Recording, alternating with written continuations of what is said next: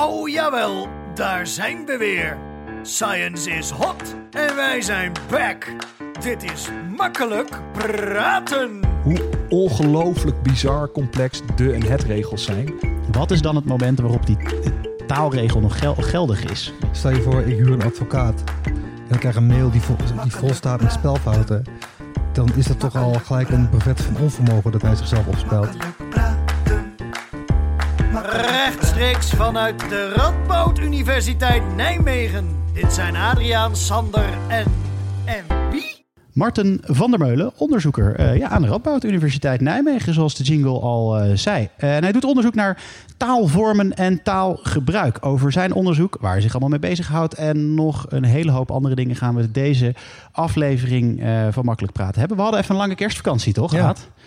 Een, eh, een winterstop. Een winterstop Ja. hadden we. Maar we zijn er weer. Ja, leuk, Ehm, man. dus welkom terug, alle, Frisse energie. iedereen. Eh, en eh, welkom ook eh, Marten. Welkom bij Makkelijk Praten. Ja, leuk dat je u. bent. Ja. Leuk om er te zijn. Leuk onderwerp ook. Ben heel benieuwd. Ja, goed. eh, ik vind het het leukste dat er bestaat, maar dat Ja. telt natuurlijk voor niks. Ja, nee, tuurlijk. Ja, dat, dat- snap- dat dat- snap ik. Dat maar, is ook zo. ehm, Maar dit is wel, want eh, het is altijd, ik ben altijd blij als we eh, de beta-hoek uitstappen. Oh ja. Persoonlijk. Ja, dat snap ik. ja. ja, en, En, het- nu met taal is het net zoals toen met het satirische nieuws. Kun je natuurlijk heel erg goed beschrijven. Een podcast leent zich heel goed daarvoor, dunkt mij. Zeker. Ehm, om af te trappen, Marten. Ehm, onderzoek naar taalvariatie. Kan je dat in begrijpelijke eh, taal even uitleggen? Wat je dan doet? Ja, dat kan ik eh, heel goed. In, in twee, drie zinnen. We gaan er straks eh, de diepte in, maar gewoon even, even kort. Ik verwacht nu heel veel, hè? Dat dit is, In twee zinnen. ja, Ja, ja. Eh, we praten allemaal anders. Dat eh, lijkt me voorzichtig. Kan iedereen ook horen dat wij Ja. alle, al eh, uitspraakverschillen hebben. En sommige van die verschillen hebben mensen een probleem mee. Bijvoorbeeld groter als in plaats van groter dan. Ja. Als mensen er een probleem mee hebben, dan gaan ze dat proberen te beregelen. Ze gaan dus de variatie proberen in te perken. En of dat wel of niet lukt en waarom. En waarom mensen dan überhaupt die variatie eh, voortbrengen. Dat is waar ik me mee- mee bezig hou. Oké, Oké, duidelijk. nice. Oh, daar ben ik Ja. heel benieuwd naar. Ik heb daar namelijk nog een vrij sterke... ja, dit wordt weer Heel goed, tweekamp. sterke, sterke eigen, eigen, eigen mening over. Hey, we, zitten hier, eh, ja, we, we zitten hier op de vijfde etage van het Erasmus-gebouw... met uitzicht op heuvels in Nijmegen. Dat Ja, is, al- dat is ja, ook altijd wel mooi uitzicht. voelt bijna buitenland altijd. eh. Ja, Nou, die ja. heuvels zijn stijl ook hoor. Je hebt een. eh, ik woonde een tijdje in Beek, een dorpje hier eh, in de buurt. Dan moest je de Holleweg over. Dat, dat kan niet op je Amsterdamse oma-fiets, eh, weet ik inmiddels. Dus Is het eh, zo erg? ja, dat is echt niet te doen. Oké, dat wist ik helemaal niet, joh. Ja? Is het eh, een... Oké, de- maar je hebt ook echt nog, echt nog een oude, oude, oude oma-fiets. Ja, nu niet meer. Eh, Hij is kapot gegaan door ja, de- ik ben tegen een muurtje gereden. Oké, oh, dat Oh, die lag, heb je hier ook. ja, ja, dat wist ik ook niet. lag niet aan... eh, Ga je de heuvel af en dan, ja. Konk. Ehm, nou, ik ben- ik ben benieuwd. Is, het- want in Nijmegen is er eh, natuurlijk ook enorm. Is, daar, is, is, is er hier meer taalvariatie dan in, op andere plekken in Nederland? Of, valt, of is het juist heel erg, hoe moet je dat noemen? Homogeen hier, hoe er gesproken wordt. Eh, er is in principe, denk ik, op alle plekken in Nederland evenveel taalvariatie. Maar, nou ja, dat, ik bedoel, zo saai en egaal is het niet. Wat je vooral hier op de Unie ziet, is dat je heel veel influx hebt van Limburgse studenten met hun eh, eigen taalgebruik. En Ja. ook heel veel Duitse studenten die bijvoorbeeld Duits praten of die Nederlands spreken met een Duits accent. Dus in die zin, ja, ik bedoel, dat heb je eh, aan de UvA natuurlijk niet. Eh, daar heb je ja, andere mix, denk ik. Dus Ja. de variatie Oh, die ja. zal op verschillende plekken wel hetzelfde zijn, maar de waar die uit bestaat, dat zal verschillen. Ben jij in je dagelijks leven dan ook echt, als je niet in je rol van wetenschapper bent, aan het letten op dat soort dingen? Dat je in de supermarkt staat en iemand iets wilt zeggen en dat je dan denkt, ah ja, Nou eh, ja, ja en nee. Eh, ik merk vaak dat mensen, als ik vertel dat ik met, met taal bezig hou, best wel bewust worden van hun eigen taalgebruik. Maar het is niet dat ik de hele tijd voor mezelf denk, haha, fout.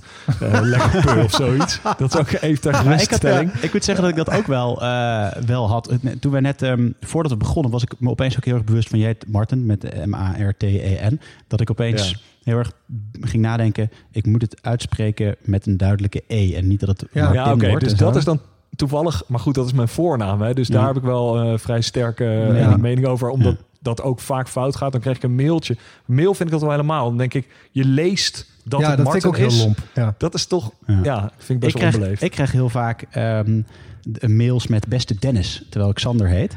en dus ker, ken, echt heel vaak. Maar er gaat dus kennelijk zit er, gaat er iets cognitief als mensen zien dus Sander Denneman staan. Ja, dan zit dus cool. dat, dan Ja. dat dennen in. En iets gaat er dan mee, als ze gewoon verder dus ook slordig met namen zijn, om het zo maar te zeggen, gaat er dan een soort van...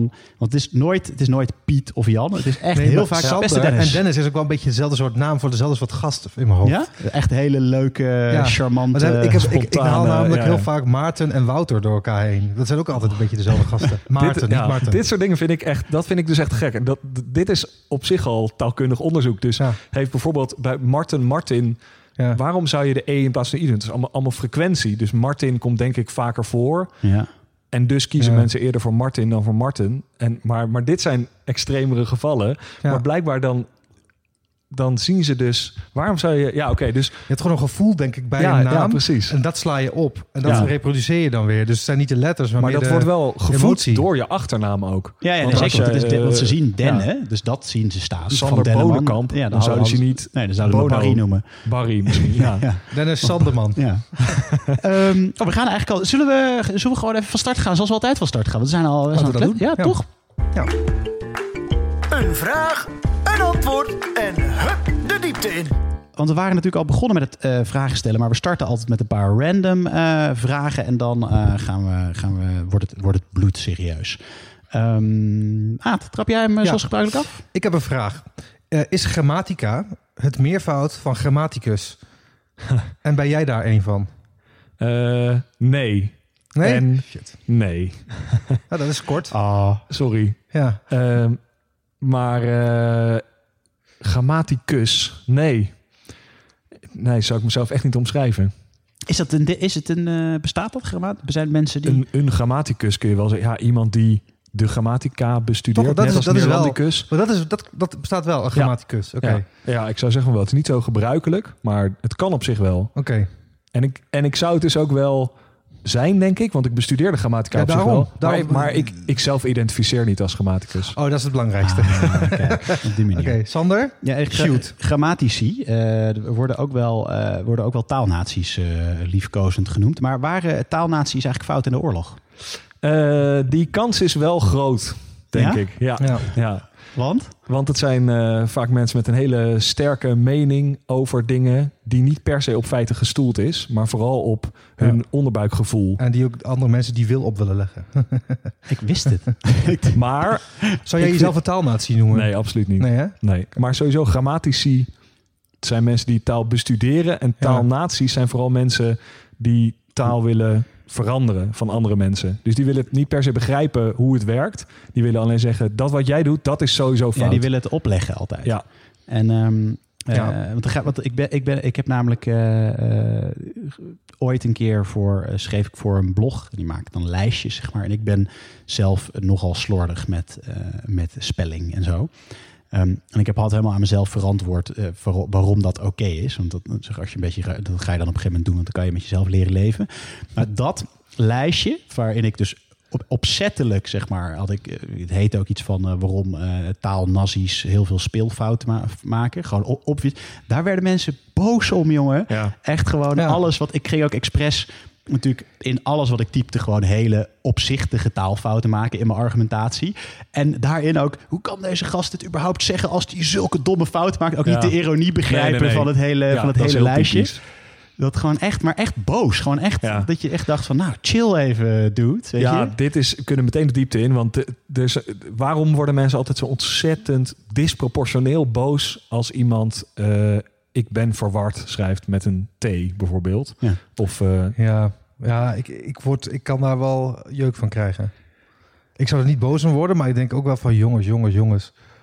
Ik weet niet. Ja, ik, Ja. ja. Het is ook een beetje voor mij in ieder geval een soort van de, de eerste barrière van wat de samenleving in stand houdt. Weet je, dat dunne laagje vernis, dat begint af te brokkelen zodra we alle spelling maar laten varen. Ja, is maar dat gebeurt waar, dat is een principe niet. gevoel. Nee, Ja. Ja, maar dat snap ik wel. Dus, dus dat is een, eh, een argument dat, dat wel vaker wordt gebruikt dan. We, we, we laten alles varen. Maar specifiek met dt-fouten bijvoorbeeld. Ja. Sorry, maar dan ben ik natuurlijk altijd weer de...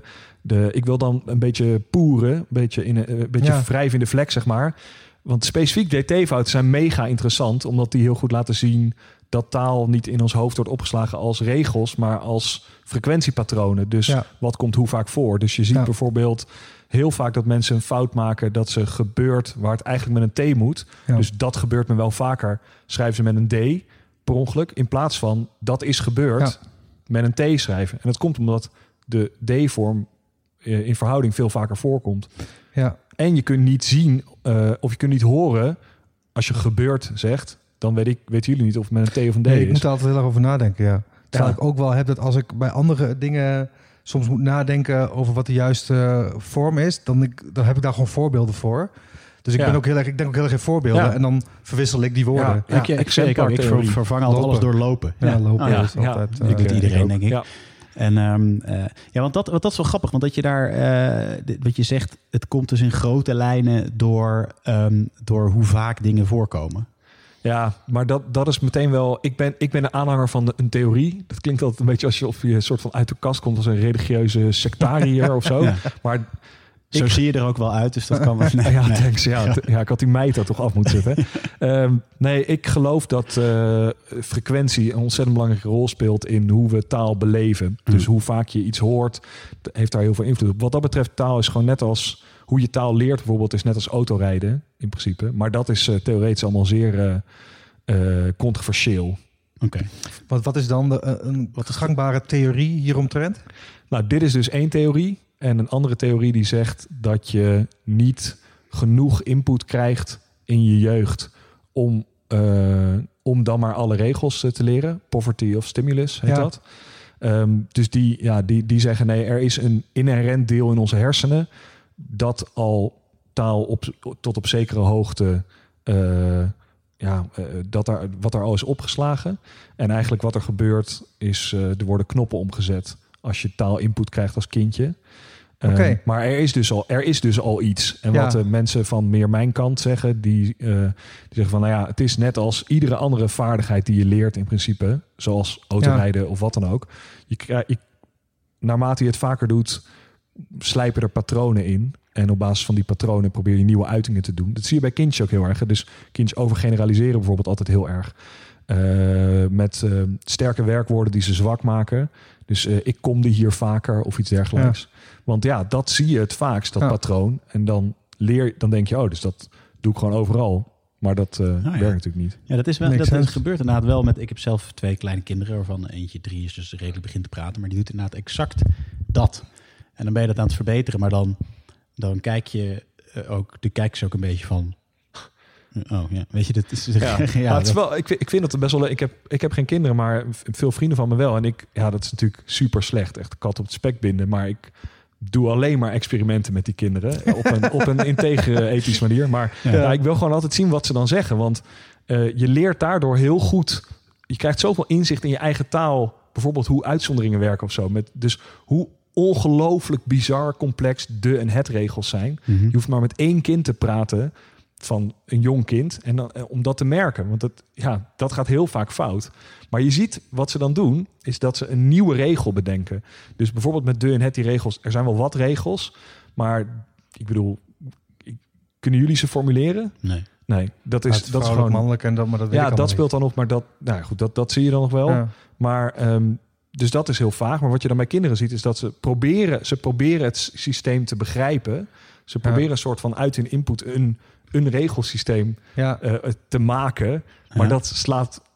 Dat, dat slaat vaak helemaal nergens op voor ons. Omdat voor ons is het gewoon inmiddels ingebakken. Mhm. Maar is het dan niet zo dat het dus en input is, maar ook dat er een soort van processor zit in die hersenen die de nodige input verwerkt tot een theorie en daar weer output voor geeft? Ja, op zich wel. Dus het is, eh, het is En het is aan de scholen dan om dat een beetje te sturen Ja. en met lessen Ja. dat te structureren Ja. en er iets van te maken.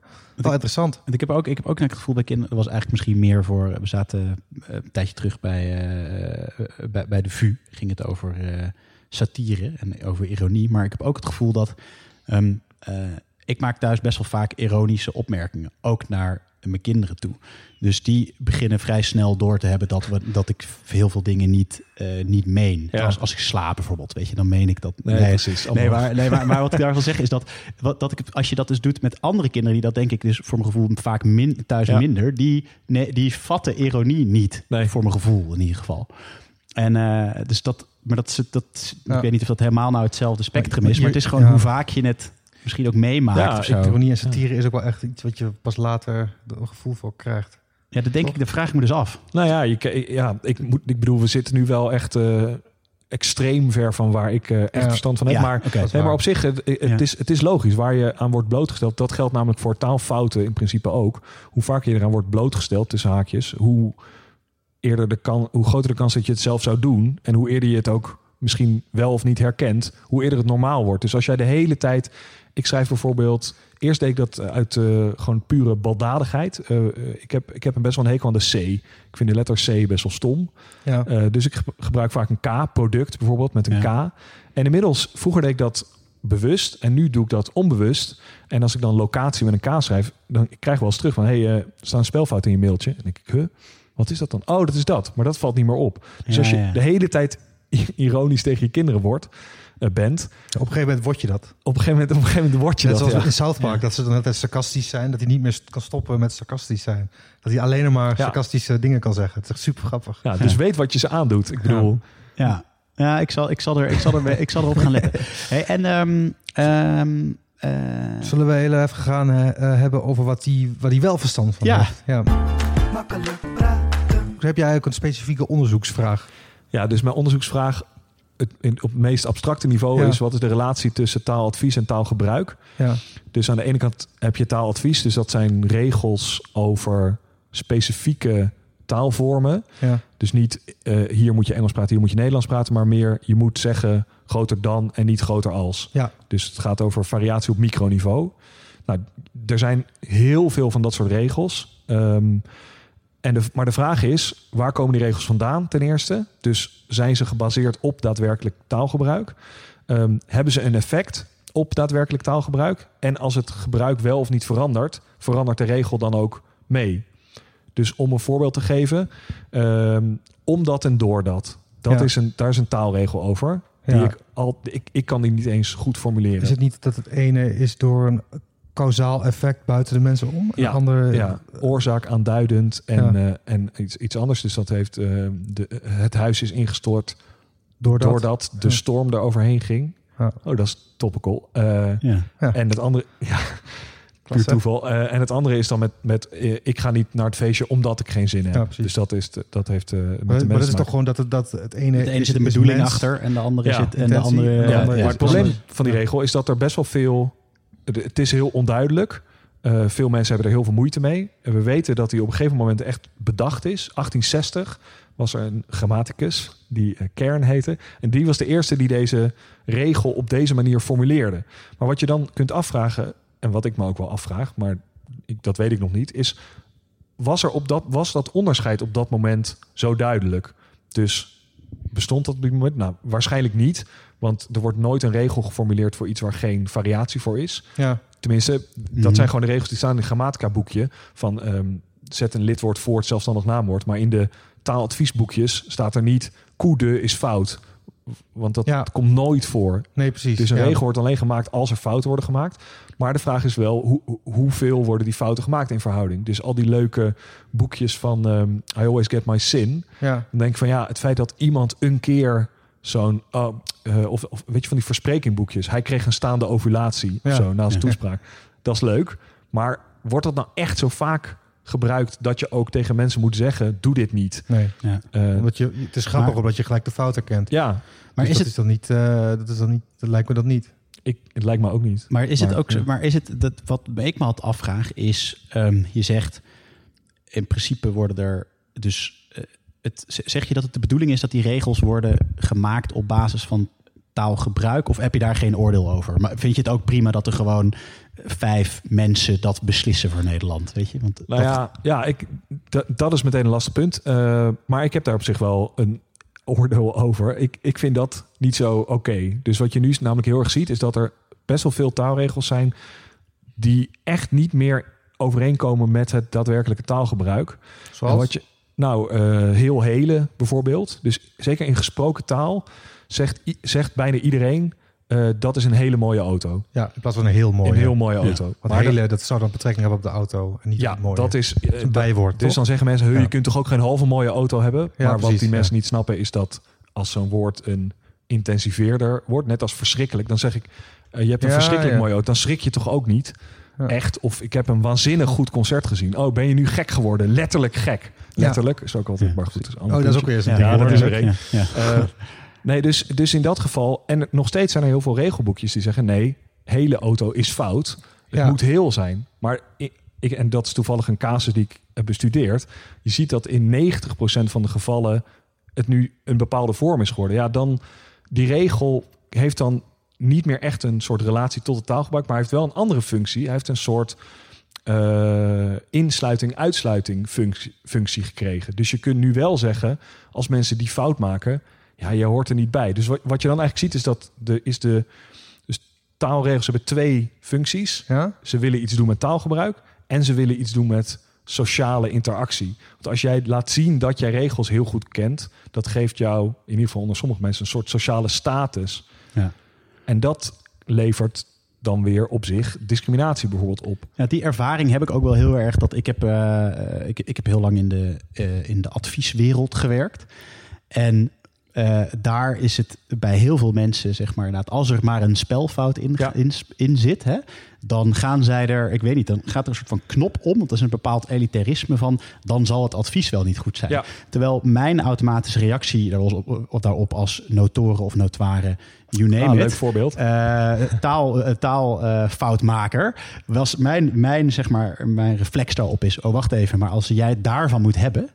dan begrijp jij de daadwerkelijke inhoud niet. Nee. Weet je? Dus, eh, dus, dus, dus als ja. dat is wat jouw aanmerking is... oh, je hebt een DT verkeerd gezet... is dat wat aan te merken als op het advies? Ja. Wow, weet je, dan heb je, het, dan heb je de echt, waar het echt om draait niet begrepen. Dus bij mij werkte dat altijd heel erg averechts... als mensen dat soort commentaar gaven Ja. op een stuk. Ja, dat is het. En toch is het ook weer. Dus ik herken dat eh, heel goed. Ik heb dat zelf ook. Ik ben bijvoorbeeld best wel slecht in, DT, in eh, het gebruik van D's en T's. Dus ik, ik maak die fouten ook. Dat is echt niet zo. En daar word ik ook wel eens op aangesproken. Ja, maar jij bent Neerlandicus of grammaticus of wat dan ook. Ja.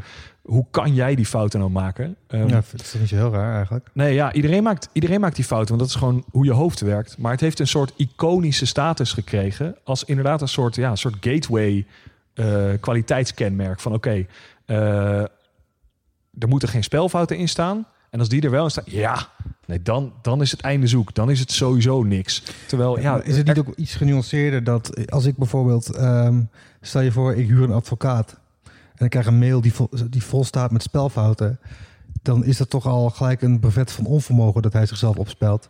Ja, precies, nou, dit, is, dit is exact waar we het net over hadden. Dat ja, je- maar dat- maar dat is toch, maar- dat, is toch, dat is toch heel anders dan eh, zeggen van, oh je hoort erbij of whatever. Het, het is toch ook, eh, het, het is een stukje betrouwbaarheid dat iemand eh, tijd en moeite steekt in de manier waarop hij zijn eigen vak naar buiten communiceert. ja, dat is zo. Maar maakt hem dat per se bijvoorbeeld een slechte advocaat? Dus het Ja, feit dat hij misschien, want misschien is hij dik in de, selectisch of weet ik veel. in- maar in de advocatuur is Ja. taal een belangrijk ding. ja, ja. Dus dan, dan zie je al gelijk dat dat niet goed gaat. Dus dan heeft je onderbewustzijn al gelijk zoiets van... wacht even, deze man verstaat waarschijnlijk zijn vak niet. Ja, maar dat, dat weet je natuurlijk niet. Maar ik bedoel, dus of je bijvoorbeeld goed kan, kan pleiten of, eh, of eh, goed kan ondervragen, dat, kan, maar weet is, je niet dat op is een ander onderdeel. Ja, nee, maar je hebt wel gelijk. Dus er zijn vakgebieden waarin taal een hele belangrijke rol speelt. En dan de, de, maar er is de volgens- regels van de taal Nee, maar maar wat, wat, ik ook is dan wel degelijk stel, een stel je belangrijk voor, onderdeel. hij is dyslectisch, zoals jij zegt. Dat is dat prima. Maar dan roep je er even iemand bij om het even goed te doen. Ja. En dat is ook een stukje moeite dat je, er, moeite dat je erin kan steken. Ja. Maar op het moment dat je een formele briefwisseling hebt... waarin allerlei fouten staan... dan gaat er linksom of rechtsom, vind ik in ieder Ja. geval... toch iets fout. Maar dat is- Nou ja, dan maak je, maar dan, ma- dan, dan weet je wat je dat, dan koppel je volgens mij het, het, de, het feit dat iemand de spellingsregels niet beheerst aan bijvoorbeeld wat volgens mij aan het aan dat hij daarmee ook bijvoorbeeld bepaalde argumentatietechnieken niet zou beheersen, wat volgens mij iets anders is. Nee, nee, ik denk dat het een holistisch ding is... waarin je ook taal goed moet kunnen beheersen. En Maar dat is, het dat aan is de ene kant is het vakinhoudelijk, zou ik het raar vinden. En aan de andere kant vind ik het ook naar de klant toe een beetje slordig. Slordigheid is ook, is ook Ja, gewoon maar als je nou bijvoorbeeld, eh, stel dat je, dat ik, eh, want dan kom je bijvoorbeeld bij tweede taalsprekers uit. Dus de Ja. Nederlandse spellingsregels zijn best wel ingewikkeld op heel veel gebieden. Ik bedoel, er zijn talen die ingewikkelder zijn, Ja. maar niet allemaal. Maar stel dat ik uit Eritrea kom en ik heb, ben daar gewoon, ik ben succesvol eh, advocaat. En dan kom ik naar Nederland en leer ik de taal tot op zekere hoogte. Maar niet tot die 100% verfijning die een van oorsprong Nederlandstalige advocaat zou hebben. Dan zou je inderdaad kunnen zeggen, oké, vraag er iemand bij. Maar dat kan natuurlijk ook niet altijd. Omdat, Nee. ja, misschien, Maar dan weet je in die context ja, dat het misschien wel heel knap is dat hij zo ver zijn taal eh, Ja. heeft kunnen ontwikkelen. Dus dan is het weer een ander ding. Dus het- wat ik zeg, het is ook een holistisch worden- ding. Ja, Het is contextgebonden. ja. Alleen in general, als jij eh, een, ehm, een mail krijgt van een bedrijf nu als consument en die staat vol met taalfouten, dan, is dat, dan, dan kijk je Ja. daar toch van op. Ja. Eh, Dus ik vind Ja, het absoluut. iets heel raar. Dus het Maar is inderdaad een soort filter. Alleen het is niet alleen voor mijn gevoel als in het tofdoenerijen wel of niet erbij horen. Het is ook eh, een, een, stuk professionaliteit dat je uitstraalt, een stuk Ja. kunde. Maar dat, dus het voorbeeld dat je net noemde was ehm, dat je iemand meteen afzabelt op de hele inhoud als er bijvoorbeeld één spelfout in staat. Nee, Dat- dat, dat doe ik juist niet. Alleen ik denk wel, eh, op het moment dat je bijvoorbeeld... Stel je moet kiezen om met iemand in zee te gaan, dan is het zwart-wit. Dus dan zou dat kunnen meewegen. Ook al kan iemand heel goed argumenteren Ja. of whatever. En als het bij een voetballer is, dan maakt het geen zak uit. Want die moet gewoon tegen de bal aantrappen. Alleen als je het, als je het hebt over dingen, bijvoorbeeld een dokter of een advocaat... dan vind ik het toch wel iets anders. Ook bij een dokter bijvoorbeeld, want die hoeft Ja. natuurlijk niet zo heel veel te schrijven. Nee, eh, dat, dat is helemaal waar. Alleen taalkundig kan daar ook wel het een en ander misgaan. Ja, ik, I don't know, maar dat zou ik Ja. toch toch raar vinden. Ik- En je verwacht gewoon van iemand die zes jaar een universitaire studie heeft gedaan... dat daar wel enigszins A, eh, taalbeheersing is... en B, in ieder geval de moeite om het goed Ja. te communiceren. Ik, ik heb hier, ik heb hier een, de hele hoop, eh, de- ook een sterke mening over tegenovergesteld aan jou, Aad. Maar ook eh, een vraag over waar we erbij komen. maar die vraag raakt ook wat we eh, van New Scientist hebben binnengekregen. Ja. Dus die ehm, gaan we gewoon even in. inslingeren. De vraag van New Scientist. Die Adriaan en Sander eigenlijk hadden moeten stellen, maar niet hebben gesteld. Omdat ze waarschijnlijk hun huiswerk weer eens niet gedaan hebben. Ja, de New Scientist vraag, eh Aad. Ik, eh, ik heb er hier twee staan. Ik wilde aftrappen met de tweede eigenlijk om voor te borduren op waar Ja, we het net over Het is hadden. leuk, want deze New Scientist vraag... normaal doen we een oproep aan de lezers van New Scientist op hun socials... Maar New Scientist heeft ook een taalkundige in dienst. Die heeft ook een boek geschreven over taal. Dus die had ook een paar vragen. Dus, dus de New Scientist vraag komt vandaag van een New Scientist redacteur. Eh, die krijgt geen mok. Want die hebben ze al. dus dat scheelt ons ook weer in de kosten. Ehm, en dan de vraag is, zijn taaladviezen zoals eh, hen slash hun, die, wat je hebt, ergens in de 17e eeuw bedacht volgens hem, eh, zijn die niet ontzettend achterhaald? Een beetje wat waar we het over hadden. ja, nou ja, nee. Dat is altijd het fijne wetenschappelijke antwoord op alles. Het, Oké, dus ja, dit is precies waar we het net over hadden. Dus er zijn taaladviezen die achterhaald zijn. En soms verdwijnen die ook. Ehm, het voorbeeld wat ik dan altijd noem is ieder elk. Dus er was, er was een regel vroeger die zei... het ene woord kun je alleen gebruiken bij mensen... en het andere woord bij alle andere dingen. Dus Ja. eh, eh, iedere vrouw die ik zie... eh, heeft een jurk aan vandaag. Ja, en elke tafel is bruin. Precies, zo. zoiets. Maar niet iedere tafel is bruin. Nee, dat mag niet. Nou, ik, ik voel die regel echt grappig. totaal niet. Nee, dat wist ik, dit Nee. wist ik helemaal niet. Maar dat is dus Maar voorbeeld het van... makes sense nu ik erover nadenk. Ja, Ja, grappig Nou, het is op zich ook wel, maar dan goed, dat is ook weer een heel zijpad. Maar o- mensen en alle andere dingen is er wel een onderscheid dat vaker eh, voorkomt eh, Ja. in taal. Maar dit is een voorbeeld van zo'n regel waarvan je nu denkt, hij wordt nog wel gereproduceerd, soms in boekjes. Maar ja, volgens mij ervaart niemand hem meer. Dus in die zin is het achterhaald. Maar sommige regels zijn niet per se achterhaald. Dus, eh, dus, de, dus DT-fouten, eh, DT-regels bijvoorbeeld. Ja. Maar dat is, dat is spelling. Dat is, ik kijk dus vooral naar, naar eh, grammatica. Dus nou, wat ik zeg, heel hele. Dat zou ook een achterhaalde regel kunnen zijn. Ja. Omdat door dat, wat mij betreft ook... Wat, het maakt niet uit, namelijk ook voor je zinsbegrip. Als je zegt, ehm, eh, de boom viel om omdat er storm was... of de boom viel om doordat er storm was... Ik, ik ervaar dat niet als een, als een groot verschil. En ik heb er ook geen Dat- sterke Dat mening bij. Met, met wat je bij net omdat zegt. door dat wel? Ja. Nou, met wat je net zei, bijvoorbeeld door de, als ik het zelf schrijf, Ja. dan zou ik altijd door dat kiezen. Maar dat denk ik ook heel bewust bij naam, dat dat een van die regels is die echt, die echt vastgebeiteld zit in mijn hoofd. Oh ja. Als ik het zou lezen, zou, zou ik, nee, ik zou me niet aan ergeren, maar ik zou wel denken van wacht even, dit, is toch raar. Maar dat is dus, dus dat, ja, dat, Dat is raar, zes dingen om in te haken. Eh, een van de interessante dingen die je zegt is, die regel zit erin gebeiteld. Ja. De grap is dat er, zeker als je nu gaat kijken op de website van eh, taaladvies.net Ja. of zoiets, daar staan honderden regels op.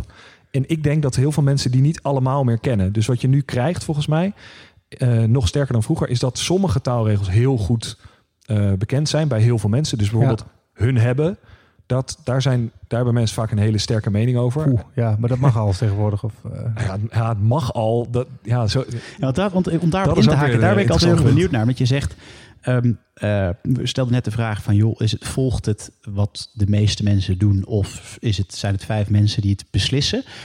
En, en want daar ben ik wel benieuwd naar, naar hoe jij daar naar, naar kijkt. Want bijvoorbeeld bij, bij hun zij. ehm, eh, taal is een, is een levend iets. Niet alleen de Nederlandse taal, maar alle talen eh, ter wereld. Als op een gegeven moment gewoon eh 80% nog alleen maar van Nederland nog alleen maar hun zegt. Eh, in, waar, wanneer het volgens de oorspronkelijke taalregel, te noemen, zij moest zijn. Wat is dan het moment waarop die eh, taalregel nog gel- geldig is? Weet je, dat je nog kan zeggen, ja, dat is een valide regel om te noemen. ja, dat, maar dat geldt nu voor, voor, dus voor, voor hun hebben, ligt dat nog in de toekomst. En of dat punt er gaat komen, dat, ja, dat durf ik niet te zeggen. Meningen zijn erover verdeeld. Want taal is een levend ding, maar taal is ook een sociaal ding. Dus die regels, er wordt best wel vaak een soort onderscheid gemaakt tussen het natuurlijke verloop van taal en taal waarbij de mens ingrijpt, als het ware. Ehm, maar ook dat is uiteindelijk gewoon een onderdeel van de natuur van taal. Maar je ziet dat dus, nou, bij die voorbeelden die ik bijvoorbeeld net noemde, eh, heel hele of omdat door dat, zie je dat misschien 80%, de, nou heel hele is een goed voorbeeld wat dat betreft, want zeker dus in gesproken taal eh, gebruikt 80% al de hele vorm. Ja, heeft de regel dan zijn validiteit verloren? Nou ja, dat, dat, ja, dat, dat kun je je wel afvragen daarbij.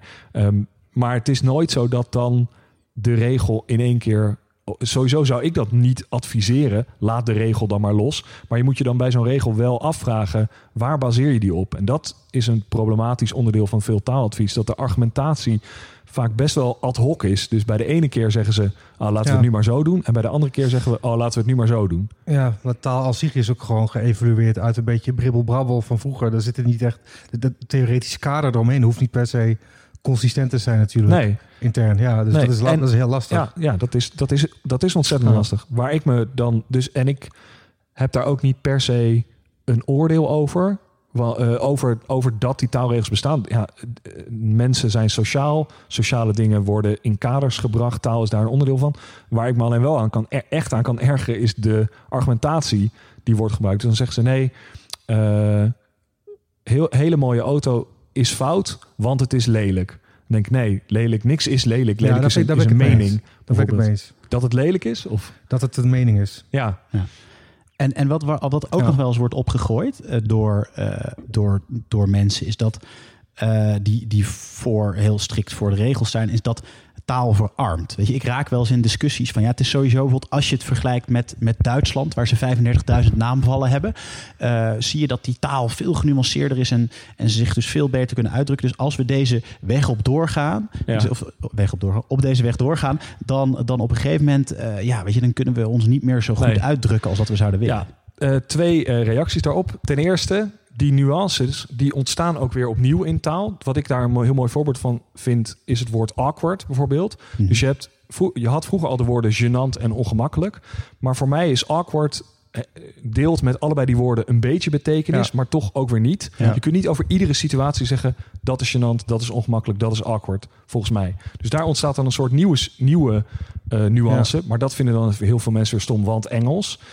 Maar wat je ook ziet, is dat bij taalfouten ehm, er een soort nieuwe nuance ontstaat. Ehm, dus bijvoorbeeld de, de haarziekte. Sommige taalregels hebben een eigen naam.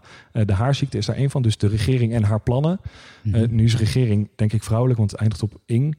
Ehm, maar je ziet dat ook bij het team en haar leden of zoiets. Oh, team ja. is het, het team. Dat kan nooit haar zijn. Want Oh ja, maar mensen gebruiken altijd bij zelfstandige naamwoorden haar. Volgens mij doe ik dat ook, ja. nou, Omdat het zo van deftig klinkt of zo. Nou, Oké, Ja. dus dat is, dat is interessant waarom je het doet. Ja, maar wat, als je dus gaat, dan gaat kijken naar wanneer gebruiken mensen nou dat soort woorden. Niet alle zelfstandige naamwoorden.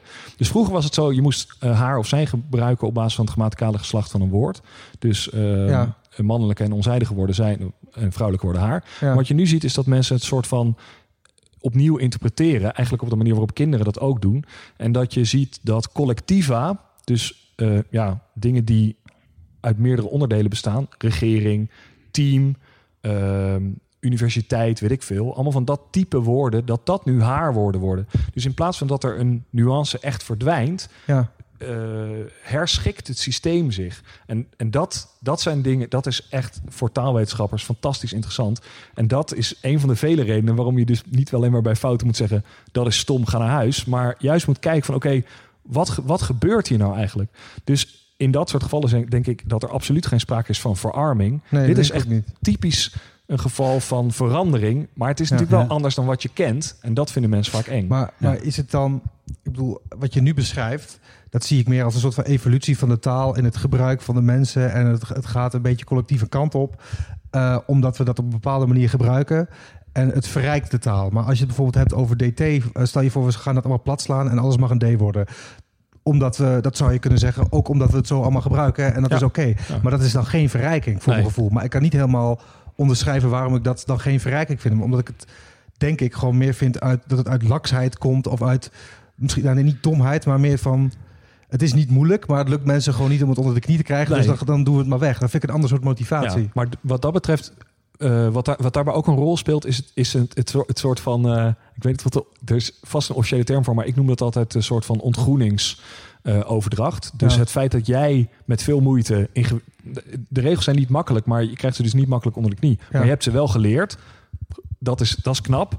En dan zou, dan zou dat nu allemaal overboord wo- worden gegooid. Dat maakt jouw opoffering zinloos of zo, snap je? Ja, ik ervaar het niet per se zo. Ik heb daar volgens mij voor mijn gevoel ook niet heel veel moeite in gestoken. Het is alleen meer dat ik het jammer vind dat een stukje verfijndheid uit de taal verdwijnt. Denk is ik- dat verfijndheid, denk Ja, ik? Ik bedoel, het feit dat er een D of een T staat, Ja, ik, net als de C heb- of de K. ik heb ja, maar het is, het is niet eens verfijnd. Het is gewoon iets wat echt voor, Maar ik heb dat om, nou- om, om geen reden wordt weggegooid. Dat zeg ik mijn gevoel dan. Ik zeg niet Ja. dat het... Maar ik heb dat met name met Ja. de DT-regel inderdaad. Dat ik, dat ik denk, ehm, bij sommige dingen, weet je, zoals eh, nou, wat we net door dat en om dat, zit nog, kan- zou je nog het argument kunnen gebruiken, nou, ja, daar zit een bepaalde nuance in die anders verloren gaat. Hè? Dat, dat zou je kunnen... inhoudelijk is ja, het inhoudelijk, anders. Ja. inhoudelijk is het anders. Dat zou je kunnen... Maar met inderdaad een D of T, of zelfs als je bijvoorbeeld werd eh, met DT schrijft, hè? Wat, Ja. wat natuurlijk echt uit den boos is. Daar maakt het echt of, alleen, of werd met een T zonder een D. Daar maakt het voor mijn gevoel, juist bij die regel, helemaal niks uit of je met een D of een T schrijft. Nee, maar wat dat lastig maakt is dat dat wel onderdeel is van het hele grote spellingssysteem. Dus wat je dan bijvoorbeeld ook eh, zou gaan schrijven is, eh, is paard met een T bijvoorbeeld. Dus dat is een beetje het probleem. Stel dat je deze ene regel zou aanpassen, dan, zou je, dan zet je eh, het spellingssysteem heeft een aantal basisprincipes en die zet je hiermee dan onder druk. Ja, die kunt je ook op zich afvragen of dat, of dat erg is. Ik ben op zich altijd wel een eh, voorstander van enige coulance. Dus C of K, ja, als dat echt niet uitmaakt. Maar we weten ook wel dat het dus wel echt afleidt. Het leidt af van de boodschap als de vorm incorrect is. Als je dus echt een gekke Ja. spelfout maakt. Ja, en wat je ook zegt, je gebruikt taal natuurlijk ehm, om te communiceren. Maar misschien zijn er ook wel mensen die gewoon te alle tijden willen communiceren dat ze die taal beheersen. Ja, dat is een, maar dat is absoluut een belangrijk onderdeel daarvan. Dus Ja. door juist, net als dat als je een stuk schrijft en je gebruikt Ja. hele knappe woorden. Ja. Als ik nu allerlei jargon er doorheen gaat, eh, gaat gooien, ga gooien, dan laat ik ook zien. Ja. Oeps. Eh, dan laat ik ook zien, Precies. geeft dat een bepaalde status aan Ja. mijn taalgebruik. Ja, dus, je, dus, dus je hebt meer manieren om te communiceren op die manier. Maar Ja. dat neemt niet weg dat als je bijvoorbeeld de regels zou laten va- varen, zou je het misschien nog steeds kunnen doen. Maar het is natuurlijk een hele lastige discussie. Ja. Maar dat gebeurt ook wel. Hè? Dus Ja. sommige regels die zijn eigenlijk al min of meer aangepast. Dus ik, een van de dingen die ik doe is regelboekjes bestuderen. Ja, En wat je dan ziet is dat regels heel, altijd variabel Ja. zijn. Maar bijvoorbeeld ehm, een regel als dat en wat. Dus nu zeg je alles wat er is gebeurd. De Ja. meeste regelboekjes accepteren dat. Ehm, maar ik was laatst in discussie verzeild geraakt, zoals het gaat op internet, met iemand die zei: Nee, ik heb geleerd in de jaren 50 dat alles dat alleen Ja. maar juist is. Ja. En dat laat heel goed zien hoe complex dit soort taalregels zijn. Dus als ze veranderen. Ja, vind ik echt heel lastig altijd. Moet ik echt altijd over nadenken. Als, als, maar als die regels veranderen gedurende de levens van mensen. Dus ik heb andere regels geleerd. Ik ben 34. Ik heb andere regels geleerd dan mensen nu van 64. Wie heeft er gelijk? Ja, maar misschien is het dan ook wel nodig inderdaad dat er even een paar generaties overheen gaan, gaat in het gebruiken van. Dat je het op een gegeven moment kan doen. En dat we over 100 jaar misschien wel zeggen, laat lekker die D en die T gaan. Ja, Maar het is wel, maar volgens mij, voor mijn gevoel hangen taal, regels wel altijd samen, eh, vooral met behoud. Of misschien is dat, misschien praat ik met de verkeerde mensen. Nee, eh, dat, dat klopt absoluut. Taalregels zijn eh, over het algemeen conservatief. Dus er wordt bijna nooit. Er zijn wel wat uitzonderingen, maar er wordt in principe bijna nooit een regel gepropageerd die. eh, die dus de innovatieve vorm is altijd fout. Letterlijk bijvoorbeeld. Dus letterlijk heeft al heel lang is, is een betekenisverandering aan het ondergaan. De dezelfde betekenisverandering in principe als verschrikkelijk, waanzinnig, echt eh, en heel, noem maar op. Ehm, maar dat de nieuwe vorm keurt bijna niemand goed. Ook zel- zelfs niet, zeker niet, omdat wij er nu bij zijn. Ehm, ja, dus het is, ja, het is heel erg een, Maar wat je bedoelt dat mensen dan zeggen. Eh, ik, ik ben letterlijk in huilen uitgebarsten. Terwijl Ja, of ik, dat ik is stond juist letterlijk, ja, ja. ja. ik stond letterlijk in vuur en vlam voor haar. Ja, precies. Maar dat, je Terwijl- bedoelt dus ja. eigenlijk, eigenlijk het omgekeerde, namelijk figuurlijk.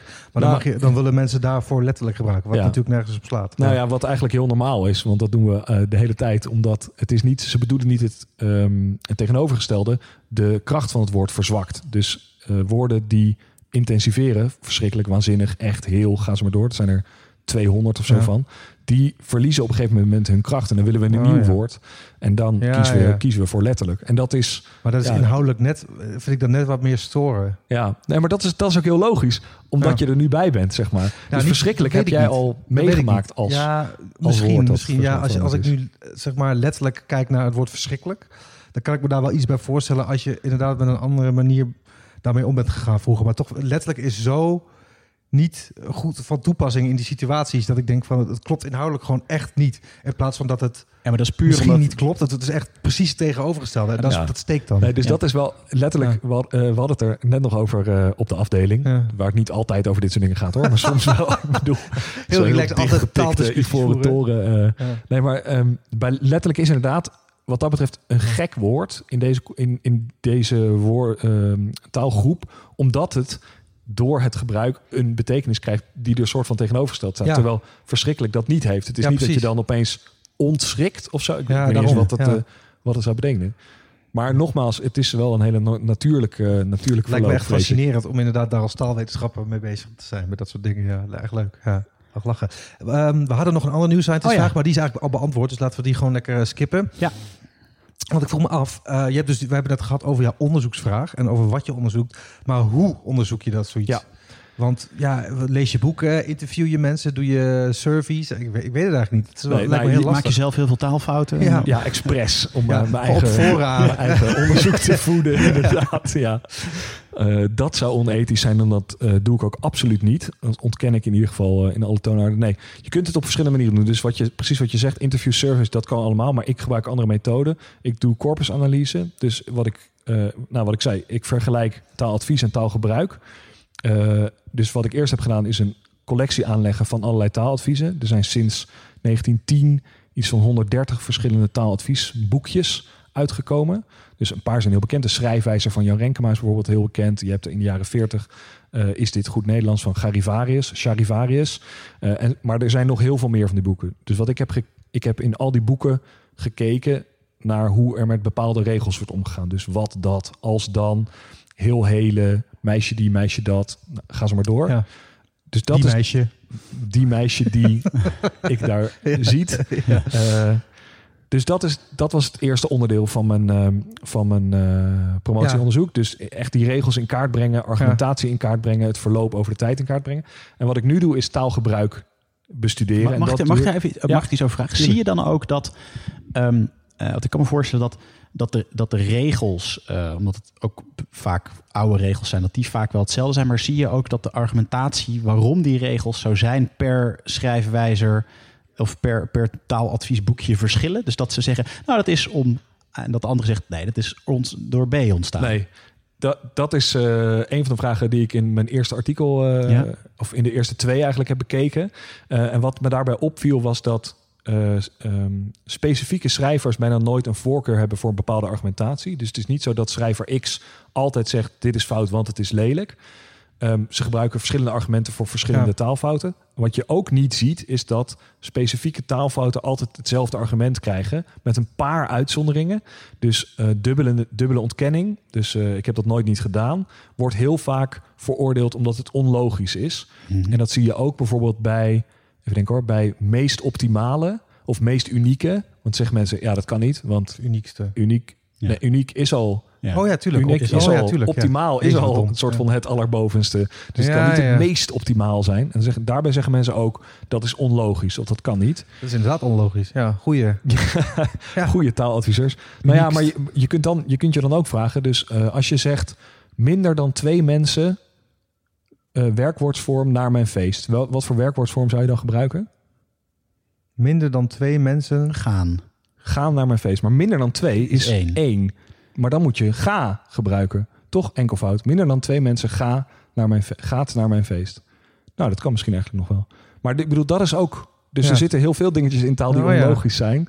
Als je eenmaal gaat Maar zoeken. je zou toch even terugkomen op dat uniek. Je zou toch ook kunnen zeggen, eh, bijvoorbeeld, je hebt, één, je hebt twee groepen waarin de eentje zich ten opzichte van 100 onderscheidt en de andere ten opzichte van 1000 onderscheidt. Heel generiek. Dan zou die ene toch unieker zijn dan die Ja. andere. En dan heb je toch ook een, een, De meest unieke, ja. van een uniekste. Maar nu, wa- het is nu heel grappig wat je doet. Dus nu ben je aan eh, dit taaladvies aan het ehm, proberen te, er tegen te argumenteren. Terwijl bij een ander probeer- taaladvies, omdat door dat bijvoorbeeld, zeg je nee, dat, dat volg ik nog absoluut. En Ja. dit is wat je bij ja, zeker. Ja. heel veel, taal, heel veel ik, mensen ik ben gewoon aan het kijken van hoe gaat dat in mijn hoofd. Ja, Dus het was ook meer dat ik, dat ik jou wilde vragen van, kan dat dan wel? Het was meer interesse dan dat ik echt nee, maar nee, dat is tegen de- maar, nee, nee, nee, maar dat is helemaal niet. Dat dat zie je namelijk. Is heel, het is heel ingewikkeld, omdat heel veel mensen verschillende dingen ervaren bij verschillende adviezen. Ik denk De ook dat het heel erg is wat ik bij mezelf ervaar. Is dat je vroeger gewoon duizend regels op je gegooid hebt gekregen. En sommige zijn blijven plakken. Ja, precies. En bij andere mensen zijn het weer, eh, weer Ja. andere regels. Ja. En dat, soms komt het overheen, Ja. zoals groter als dan. En dan is iedereen, ja, dat is de regel die we allemaal willen hanteren. Plus omdat, Ja. omdat het gewoon eh, het ook het. Kijk, jij noemt het ook nog eens taaladvies. Hè? En in advies zit een rekbaarheid.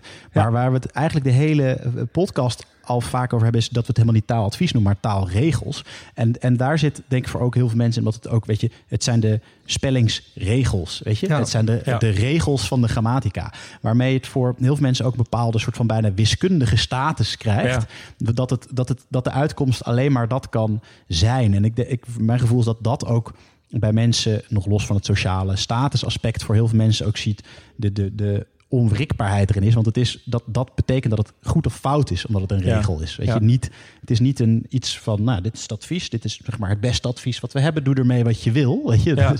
Er zit een heel eh, bazaal, basale wens in mensen dat er, in, dat er maar één ding goed kan zijn. Dus wat in de, we noemen dat. ehm, eh, er is één grote theorie over, over hoe taaladvies werkt. Dat heet de onderdrukking van optionele variatie. Dus in al deze gevallen, er is variatie. Die kunnen we waarnemen. Sommige mensen zeggen heel grote auto, anderen zeggen hele grote auto. Maar er kan maar één vorm goed zijn. En waar dat, eh, waar die wens vandaan komt, dat weet ik niet. Dat is echt een soort diepere laag van taalnormering en überhaupt van sociale interactie, waar ik niet per se me mee bezighoud. Maar die is er wel. En, en ja, daar, daar moet je wel rekening mee houden. Maar je moet dat toch ook een beetje soms laten zien dat de keuzes die worden gemaakt vaak willekeurig zijn. In ieder geval, dat, zo zie ik mijn rol. Eh, we, hadden het, we hebben het al gehad over dat je dus e- eerst heel veel studies hebt gedaan. Ja, dus ik heb eerst de, taalre de taalregels, Ja, de taaladvies in kaart gebracht. En die vergelijk ik nu met taalgebruik. Ja, En dat doe ik aan de hand van grote tekstverzamelingen van corpora. Dus er, er is bijvoorbeeld een corpus met eh, corpus gesproken Nederlands. Dat zijn ongeveer Ja. 6,5 miljoen woorden, allerlei verschillende ehm, situaties. Eh, en wat ik daar dan ga kijken is welke vorm komt ervoor. ja. En zeker als je dat doet over een langere tijdsperiode, dan kun je gaan zien: oké, zie ik dat er een bepaalde ontwikkeling zit in de ene vorm ten opzichte van de andere. En eh, als er adviezen over die vorm komen, zie ik dan dat de ontwikkeling bijvoorbeeld ehm, omlaag gaat. Ja, ik Ja. denk heel erg in grafieken in deze. ja, ja maar dat, dat dus de, sorry, dat de conservatieve vorm. Neem heel en hele. Dus heel is de conservatieve vorm.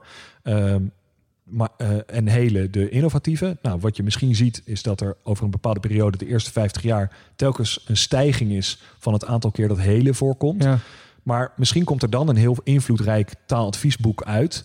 En wat je dan zou kunnen zien, is dat het percentage gebruik van de innovatieve vorm weer daalt. Dus dat, dat zou een heel mooi voorbeeld kunnen zijn van het feit dat zo'n taaladvies wel degelijk invloed heeft Ja, op het daadwerkelijke beetje, taalgebruik. Ja, Ja. Dan, kan, dan kan het eigenlijk een beetje de, de, de, het gebruik indammen Ja. en weer wegdrukken. ja, precies. je- Ja, dan kom je dus op die onderdrukking. Of wegdru- wegdrukken is denk ik klinkt iets beter. Ja. Eh, onderdrukken klinkt meteen zo heftig. Eh. Grappig. Heb je ook dit soort bevindingen gedaan? Dat je echt denkt van ja, hier heb het, is het echt gebeurd? Eh, nee, nog niet. Dus dat is, dat is echt zeg maar het uiteindelijke antwoord op mijn, op, mijn, Mhm. op mijn hele proefschrift. En ik ben nu net begonnen mijn vierde van vijf jaar. Maar daar begin ik nu wel naar te kijken. Oké. En zijn er ook, want het is grappig, want je hebt, ik heb altijd bij ook die taaladviezen, krijg je inderdaad, heb je groene boekjes en eh, nou, het Renkema, die had ik ook toen ik studeerde in de kast staan, omdat ik dan wist hoe ik mijn brief moest opmaken. Ik was iets, met- daarvoor gebruikte ik het vooral voor. Maar het zijn altijd wel natuurlijk, misschien ook wel logisch, eh, of, of al gevestigde ehm, eh, ja, instituten die dan advies uitbrengen. Ehm, of het is een, een collectief van taalkundigen die daar dan iets van vinden. Zie je ook, ehm, zijn er ook, ja, noem maar wat even gekke, gekke, zijn er ook influencers bijvoorbeeld, gewoon ander type, dus die, die gewoon zeggen, hé hey jongens, van nu af aan moeten we gewoon dit gebruiken. Bes- Bestaan die überhaupt? Of zijn het toch altijd wel meer de taalkundige of institutenachtige hoeken die, die gewoon want in principe zouden wij nu, nu natuurlijk gewoon, Adriaan en ik, een boek kunnen schrijven. Of een kanaal kunnen starten met. Dit vinden wij. Dit, dit, dit lijkt ons nou een goed advies. Jongens, ga Ja. dit maar doen. Eh, ik denk dat jullie dat zeker zouden kunnen doen. Ehm, of dat meer of minder effect heeft, ja, dat, dat weet ik nog niet. Want je ziet inderdaad dat het vooral mensen zijn die beroepsmatig met taal bezig zijn. Dus eh, journalisten of copy-editors of eh, weet ik veel. Maar zeker nu, maar ik, voor Nederland ken ik dat niet echt. Maar je ziet zeker voor de Engelse wereld wel dat, dat er ook... Ja, ik, ik, zou, ik weet niet of ze influencers zou noemen. Ja, een soort language influencers of zo. Maar dat er ook eh, blogs, ehm soort advieswebsites opkomen. En dat zijn niet per se mensen met een hele grote soort ja, taalkundige eh, bagage of status. Maar die toch wel een bepaald gevolg daarmee opbouwen. Ehm, maar hoe die, hoe die zich verhouden tot de eerdere, meer, meer zeg maar, eh, op autoriteit gestoelde adviezen, weet ik niet. Want wat wel heel veel gebeurt, is heel veel adviezen worden gewoon over en over en over herhaald. Ja, dan kan ik op die manier kan ik natuurlijk ook Ja. eh, linguistic influencer worden. Ja, doordat. de- maar ja, misschien uh, zo'n website als. Nou ja, die laat het meer gewoon zien. Taalfoutjes. is zo'n Ja, Facebookpagina. ja. Maar die, die laat gewoon meer plaatjes zien van waar het misgaat. Vaak best wel komisch. In plaats van dat, dat ze er over, over adviseren. Wat had je wel andere bevindingen die misschien interessant zijn? Eh, ja, wat ik nu vooral heb gekeken, dat is de relatie tussen taaladvies, dus Ja. de, de norm zoals die in boekjes Ja. vinden, taalgebruik Ja? en wat mensen vinden. Dus dat je kunt inderdaad, ik kijk in principe vooral naar ehm, wat mensen daadwerkelijk doen. Ja. Maar je kunt ook aan mensen vragen, wat vind je Ja. dat wel of niet goed is? En een van de redenen, dat klinkt een beetje eh, een soort van, eh, ja, misschien oppervlakkig, maar een van de bevindingen daarvan was dat eh, de relatie tussen die drie dimensies verschilt per taaladvies. Dus bij heel hele zie je dat de, Ja. de norm heel streng is, de attitude medium streng, dus eh, on- het is ongeveer 50-50. Mensen vinden het wel of niet Ja. fout. En in gebruik zie je dat de nieuwe vorm heel sterk overheerst. Bij u hebt of u heeft, dat is ook zo'n klassiekertje, Ja. zie je totaal het, ander, eh, het andersomme plaatje. Dat is ook een beetje gek. Tegenovergesteld. Het tegenovergestelde plaatje, dankjewel. Ja. Ehm, namelijk dat de norm heel coulant is. Ja. De at- attitude is minder coulant. En in gebruik zie je dat de, de conservatieve vorm, dus u heeft, nog heel sterk overheerst. En bij bijvoorbeeld een aantal mensen is of een aantal mensen zijn, ook een klassiekertje, Ja. zie je weer een heel andere situatie. Waarbij de norm ongeveer 50-50 eh, accepteert. In gebruik zie je ook 50-50. Maar mensen vinden een aantal mensen zijn wel heel fout klinken. Ehm, en wat dat eigenlijk laat zien, en dat is in ieder geval in mijn vakgebied best wel een belangrijke bevinding. Er zijn heel veel mensen die zeggen taaladvies werkt absoluut niet. Het heeft taalverandering, precies wat je net ook zei, taalverandering is een natuurlijk proces. En dit soort van bovenaf proberen in te grijpen, dat werkt absoluut niet. Maar goed, wat we nu proberen te doen, we, wij, de mensen die dit bestuderen, is kijken naar specifieke casussen van, eh, van één geval bijvoorbeeld. Dus een specifieke casus, aantal mensen is, aantal mensen zijn. Heeft het daar nou wel of niet effect? En dat die dimensies zo verschillend zijn, laat zien dat je dit niet, je moet niet dat hele fenomeen over één kam scheren. Je moet inzoomen op verschillende gevallen. En wat we dan waarschijnlijk, in ieder geval dat is ook de hypothese waar ik van uitga, het werkt soms wel en soms niet. En dat hangt af van heel veel factoren, waaronder formeel taalgebruik, informeel taalgebruik. Je ziet, en dat, dat heb ik ook, en dat is ook algemeen, dat klinkt ook heel logisch, maar dat heb ik ook ehm, al wel gevonden, is dat als je bijvoorbeeld eh, boekrecensies vergelijkt met gesproken taal, dan zie je dat de regels in boekrecensies veel meer worden gevolgd. In de meeste gevallen. En wat je ook ziet is dat er vaak een verschil is van ongeveer 30% in heel veel gevallen. Ja. Dat de regel in de boekrecensie meer wordt gevolgd. En dat is natuurlijk ook weer een interessante bevinding. Dus waarom dus de patronen lijken wel overeen te komen Ja. per taaladvies.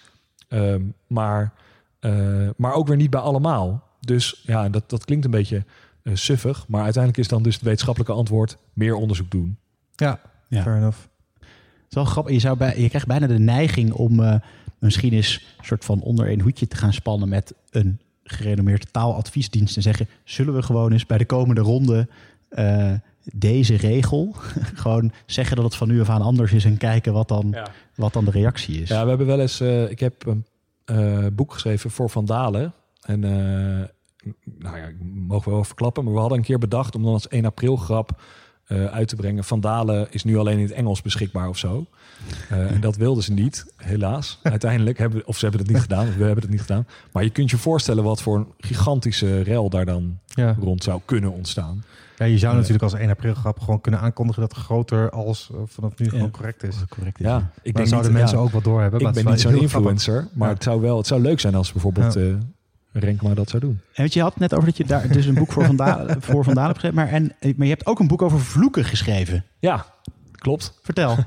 Eh Godverdomme, mooi boek. Ja, ja eh, het is een tering mooi boek. Eh, dat is schelden, zelf. toch? Of dus, maar daar, Ja, wordt, daar wordt traditioneel ook nog wel een onderscheid tussen Ja, dat gemaakt. klopt. Dat is ook een ontzettend ingewikkeld onderscheid. En wat wij in het begin van het boek zeggen is... wij scheren dat wel allemaal over één kam. Want dat is een, ja, een, enorm, het is een beetje theoretische discussie.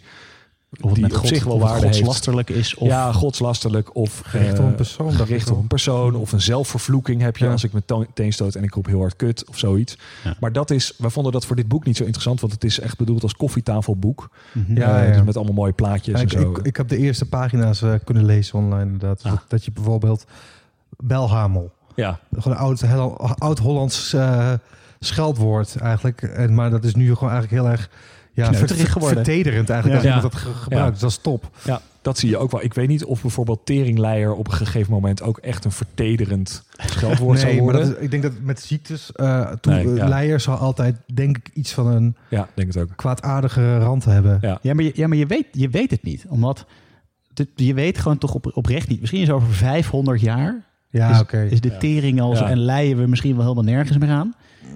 Dat zou kunnen, Dat maar ik denk zola- zolang we Wel aan dingen hebben die ziektes hebben, dan, zou- dan denk- zie ik dat niet zo snel gebeuren. Nee, eh, nee, dan houdt het zijn ja. lading namelijk, Ja, zijn originele lading. Dat is ook een van, de, een van de leuke dingen aan Vloekers, dat het super creatief is. Ja. Dus ik heb toen ook, toen we dat boek lanceerden, eh, geprobeerd om nieuwe scheldwoorden te bedenken. Ja. En bijvoorbeeld in de categorie planten en bloemen kom je heel veel leuke dingen tegen. Dus bijvoorbeeld de bostulp, Ja. dat vind ik echt, dat in ieder geval voor mij als Haagse jongen. Wij bostulp, dat klinkt, dat klinkt heerlijk. Dat klinkt ook echt alsof het al heel lang in gebruik is. Een soort pannenkoek, weet je? Gewoon precies. Ja, of eh, achterlijke gladiool of zo. Ja, ja, ja, dat is Ja, het.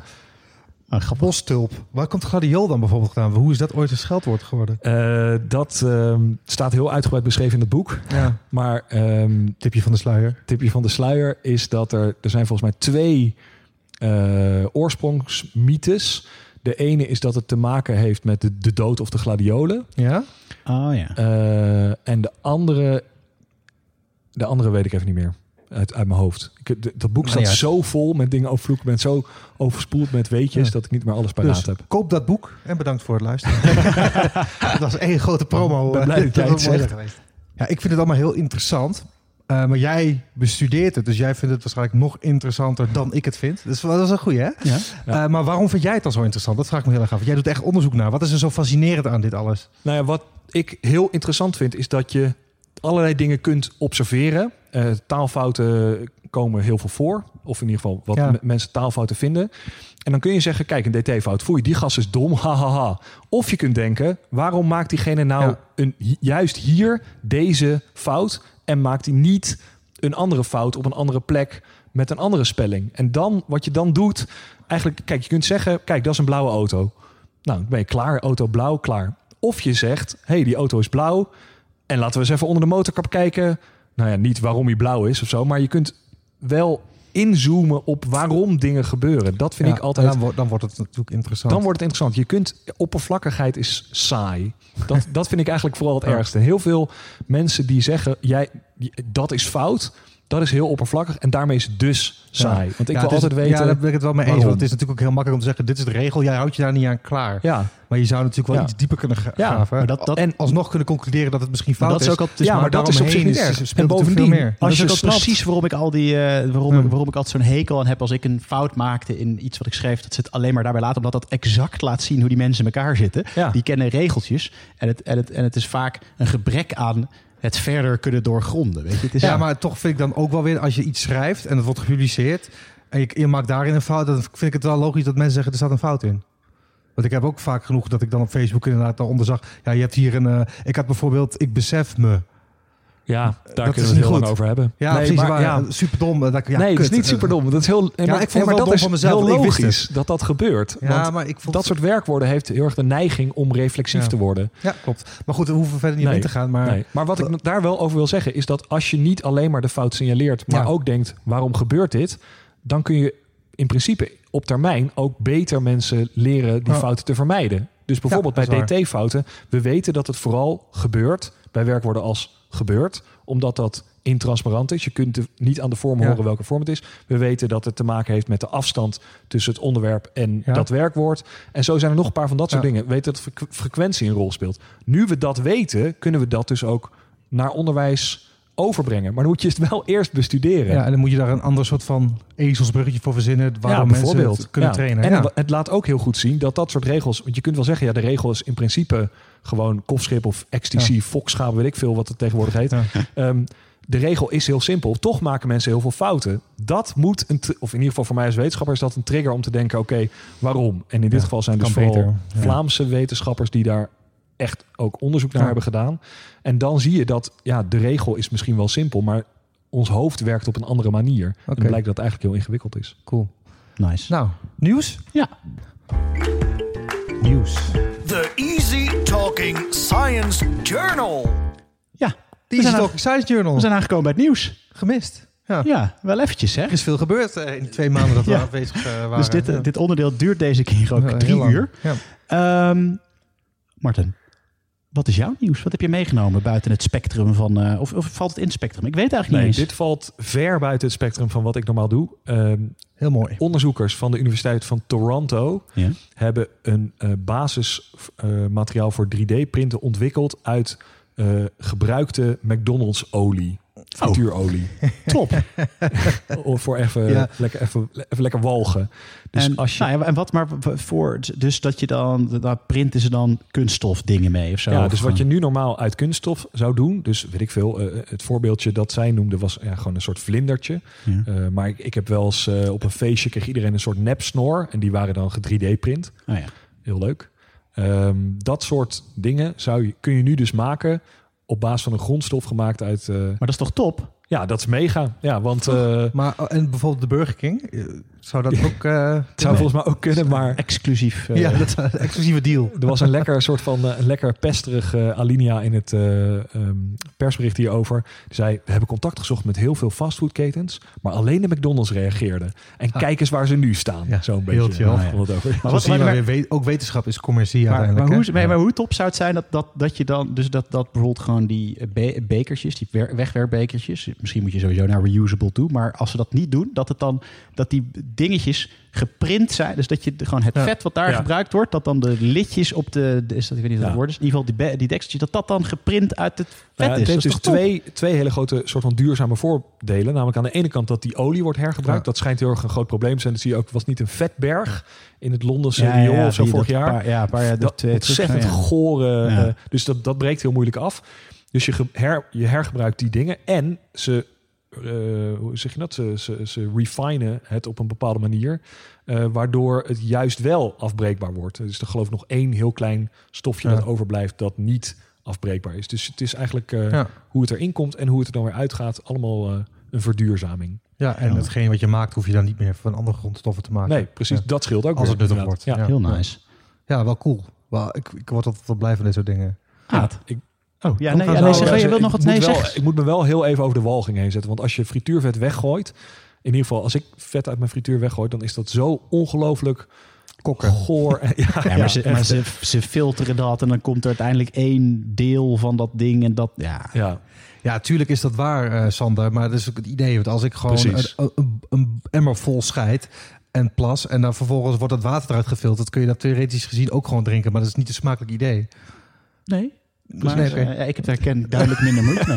Maar ik, ik wist niet dat je, ik wist niet dat je zo dat je, dat je het niveau van boosheid hier- Ja, ik- ik zit wel redelijk op mij zou projecteren. dan. Het is alsof ik een DT-fout heb Ja, gemaakt. dat? Wat? Foho. Vol op het orgel. Vol op het orgel. Vol, Een soort jo- nieuwe YOLO, maar dan bozer. vol, vol op het orgel. Ook mooi, mooie uitdrukking. Ja, sowieso.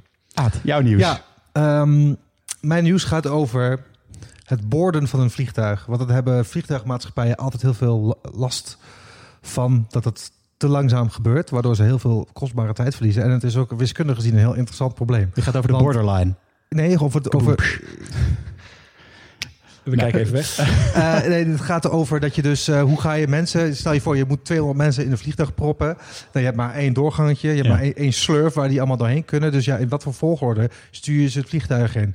Doe je het willekeurig? Doe je eh, eerst de achterste rijen eerst en dan vervolgens de middelste rijen en dan de voorste rijen? Ja. Nou, in de praktijk is het vaak zo dat, dat ze inderdaad de vliegtuigmaatschappijen eerst de achterste rijen naar binnen sturen, dan de middelste rijen, dan de voorste rijen. Maar, in, maar dan blijkt toch dat het niet zo heel veel tijd scheelt. Voornamelijk door mensen zoals ik, die toch lekker tot het einde blijven zitten voordat ze boorden. Omdat ik geen zin heb om als een idioot, Ja. Ja. zeg maar, eh, opgesloten in een blik vol met scheten eh, de- in het vliegtuig te gaan zitten. Eh, dus wat hebben Noorse onderzoekers gedaan? Die hebben allerlei methoden gesimuleerd in, in een computer om te kijken wat de beste manier is. En de beste manier is om de mensen die eh, de, lange, de langzame mensen met bagage, om die het als eerste te doen. Ja, Maar ja, hoe, hoe definieer je wat mensen, wat langzame mensen zijn? Er zijn Ja, mensen gewoon met lekker stereotypen. ja, Ja. ik wil zeggen. Gewoon, ja, een stereotype met meer bagage. Ja. Mensen met meer bagage, ja. Eh, die, dan is het 28% s- sneller dan wanneer je het willekeurig doet. En hoe hebben ze dat gedaan? Dat is het leuke eraan. Met eh, Einsteins relativiteitstheorie. Door, Wow. eh, nou ja, ik zal je de abstracte details bewaren. Maar Ja. mocht je geïnteresseerd zijn, ga naar newscientist.nl. Even een plugje, want daar staat het hele artikel. Maar de relativiteitstheorie van New Scientist gaat... Of van, van New Scientist, van Einstein, die gaat uit van dingen die reizen op de snelheid van het licht. Ja. En gebeurtenissen in de ruimtetijd kunnen eh, elkaar beïnvloeden of kunnen elkaar niet beïnvloeden. En als ze elkaar niet kunnen beïnvloeden, dat betekent dat ze als ze elkaar wel hadden willen beïnvloeden, dat iets met, met de snelheid van het licht of meer had moeten kunnen reizen. En dat kan niet. Oh, Siri gaat af. Ja, serie. eh, Ja. En Hoort dat Einstein principe, en hebben ze ook een beetje, dat, dat principe hebben ze ook een beetje toegepast op mensen die aan het boorden zijn. Kunnen mensen die aan het boorden zijn elkaar beïnvloeden in het vliegtuig of niet? En daarmee hebben ze dat gesimuleerd. En dat is eigenlijk heel grappig. En daar hebben ze dus best wel leuke resultaten gepakt. Alleen er zijn wel wat haken en ogen. Want alsnog, wat doe je aan de mensen zoals ik die toch tot het einde blijven zitten? Dat weten ze nog niet. Maar in principe wil je... Zo, Moet je wil regels je, voor opstellen. Wil je het optimaalst boorden? boorden Optimaalst. moet Ja. je eh, eerst de mensen met veel bagage eh, naar binnen sturen. Dat is het. Ja. Want ze ik doen wel- het al wel met kinderen. Je moet mensen met kinderen en zo, die wat natuurlijk ook een soort van bagage is wat ook nog wegrent. Die Ja. moeten altijd eerste. Eh, Dat- wat ik wel... waar- eh, waarom is ja. dat? Ja, nou, ik denk op. Nou, dit zou. Dit is, dit- deze theorie zou het deels verklaren nu. waarom Gaan ze nu ook experimenten doen met daadwerkelijke mensen? Want daar zou ik wel Zou ik video's van willen zien. Ja, dat zou ik ook heel leuk Misschien kun je je aanmelden als... eh, Ja, het zou- probleemgeval het of zou, zo. Het zou, heel, het zou ook weer heel lastig zijn. Want op het moment dat je weet dat je onderdeel bent van Ja, een experiment... ja. zou je misschien niet op je organische manier borden. Ja, dat, is altijd, dat is altijd lastig bij dit soort dingen. Ja. Ehm, ik ben in de vissen gedoken naar aanleiding van de vorige aflevering. Oh ja, dat is eh, met uh, Rob Kroes. Want eh, er zijn. eh, eh, want toen hadden we het met eh, Rob over. eh, kwamen we uiteindelijk toch wel tot de conclusie dat vissen. ehm, eh, hadden we het over die soort van vissen hebben geheugen van drie seconden. Ja. Dat dat onzin is. Maar kwamen we toch wel een beetje eh, over dat, dat ze, weet je, op eh, toch uiteindelijk wel vooral instinct en gevoel is. Dat we niet zo duidelijk weten waarom Ja. ze dingen doen. Maar nu hebben onderzoekers, het zijn Britse onderzoekers, de universiteit staat er even niet bij. Die hebben gekeken naar eh, zeekatten, wat een soort van inktvisachtige zijn. En het blijkt dat ze, ehm, als ze s'avonds hun lievelingseten krijgen, dat ze dan eh, overdag minder eten als ze dat weten. Dus dat kunnen ze aanleren. Dus als ze in een periode structureel, ze houden heel Ja. erg van garnaal. Ehm, structureel s'avonds altijd garnaal krijgen. Dat ze dan overdag gaan besluiten... ja, maar dan ga ik nu minder eten. Want eh, ik ga, ik ga vandaag- er komt wat lekkers aan. En straks, straks zit ik vol. En als je Oh, ja. dus op random momenten... qua tijdstip op de dag... maar ook qua hoeveel dagen in de week garnaal... dan denken ze op een gegeven moment... Oh ja, het is niet 100% zeker eh, dat ik garnaal krijg. Dus laat ik dan nu maar gewoon gedurende de dag Oh ja. voldoende eten. Wat. Dus, eh, dus en, en Wat daarmee... vindt, wat vindt Rob hiervan?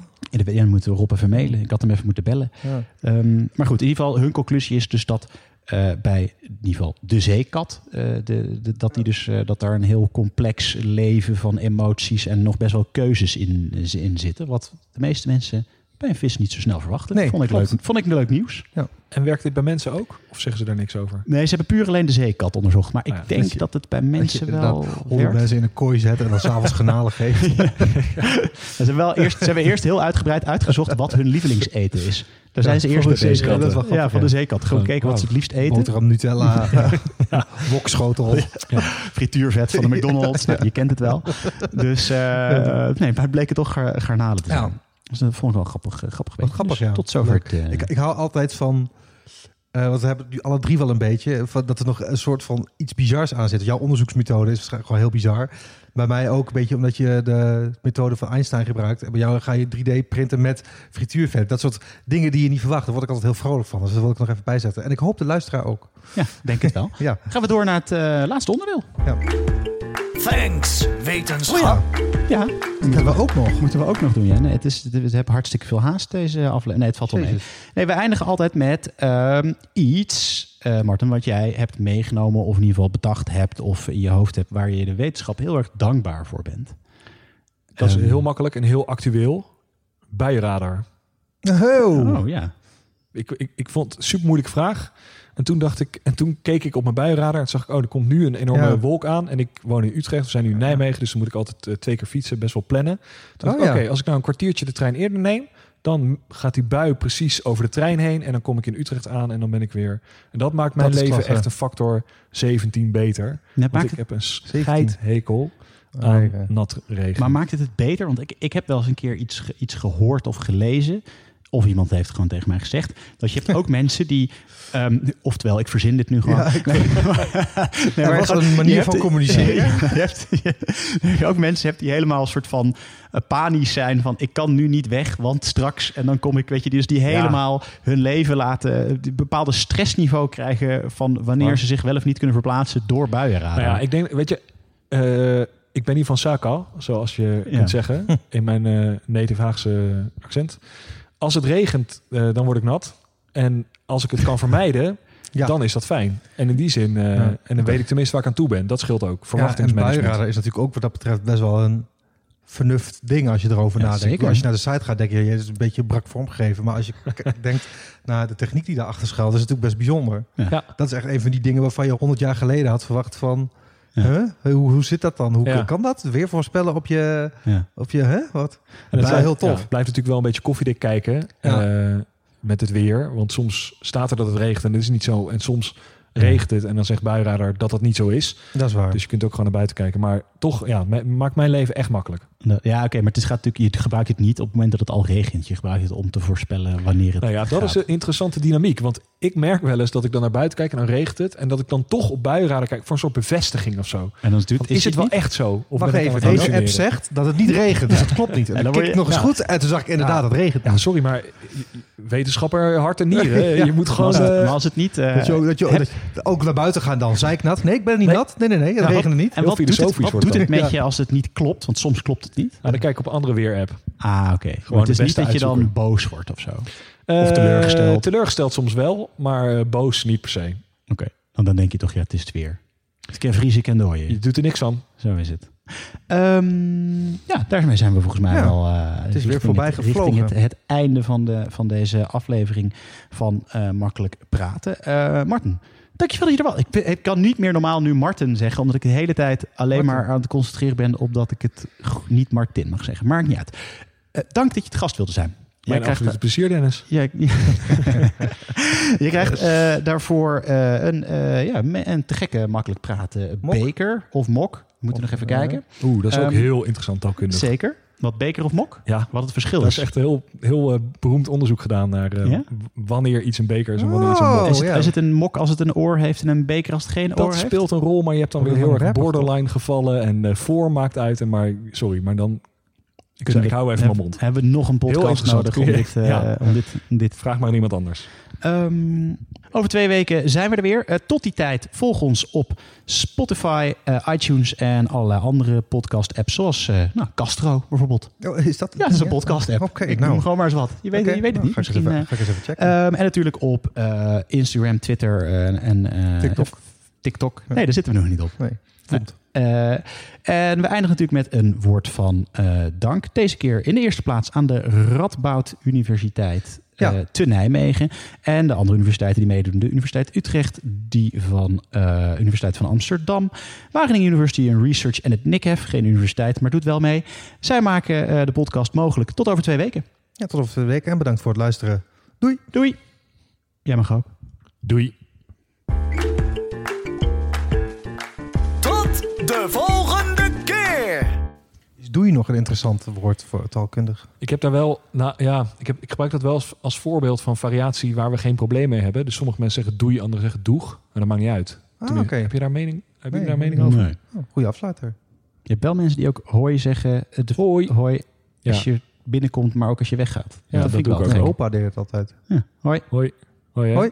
Ik zeg altijd you.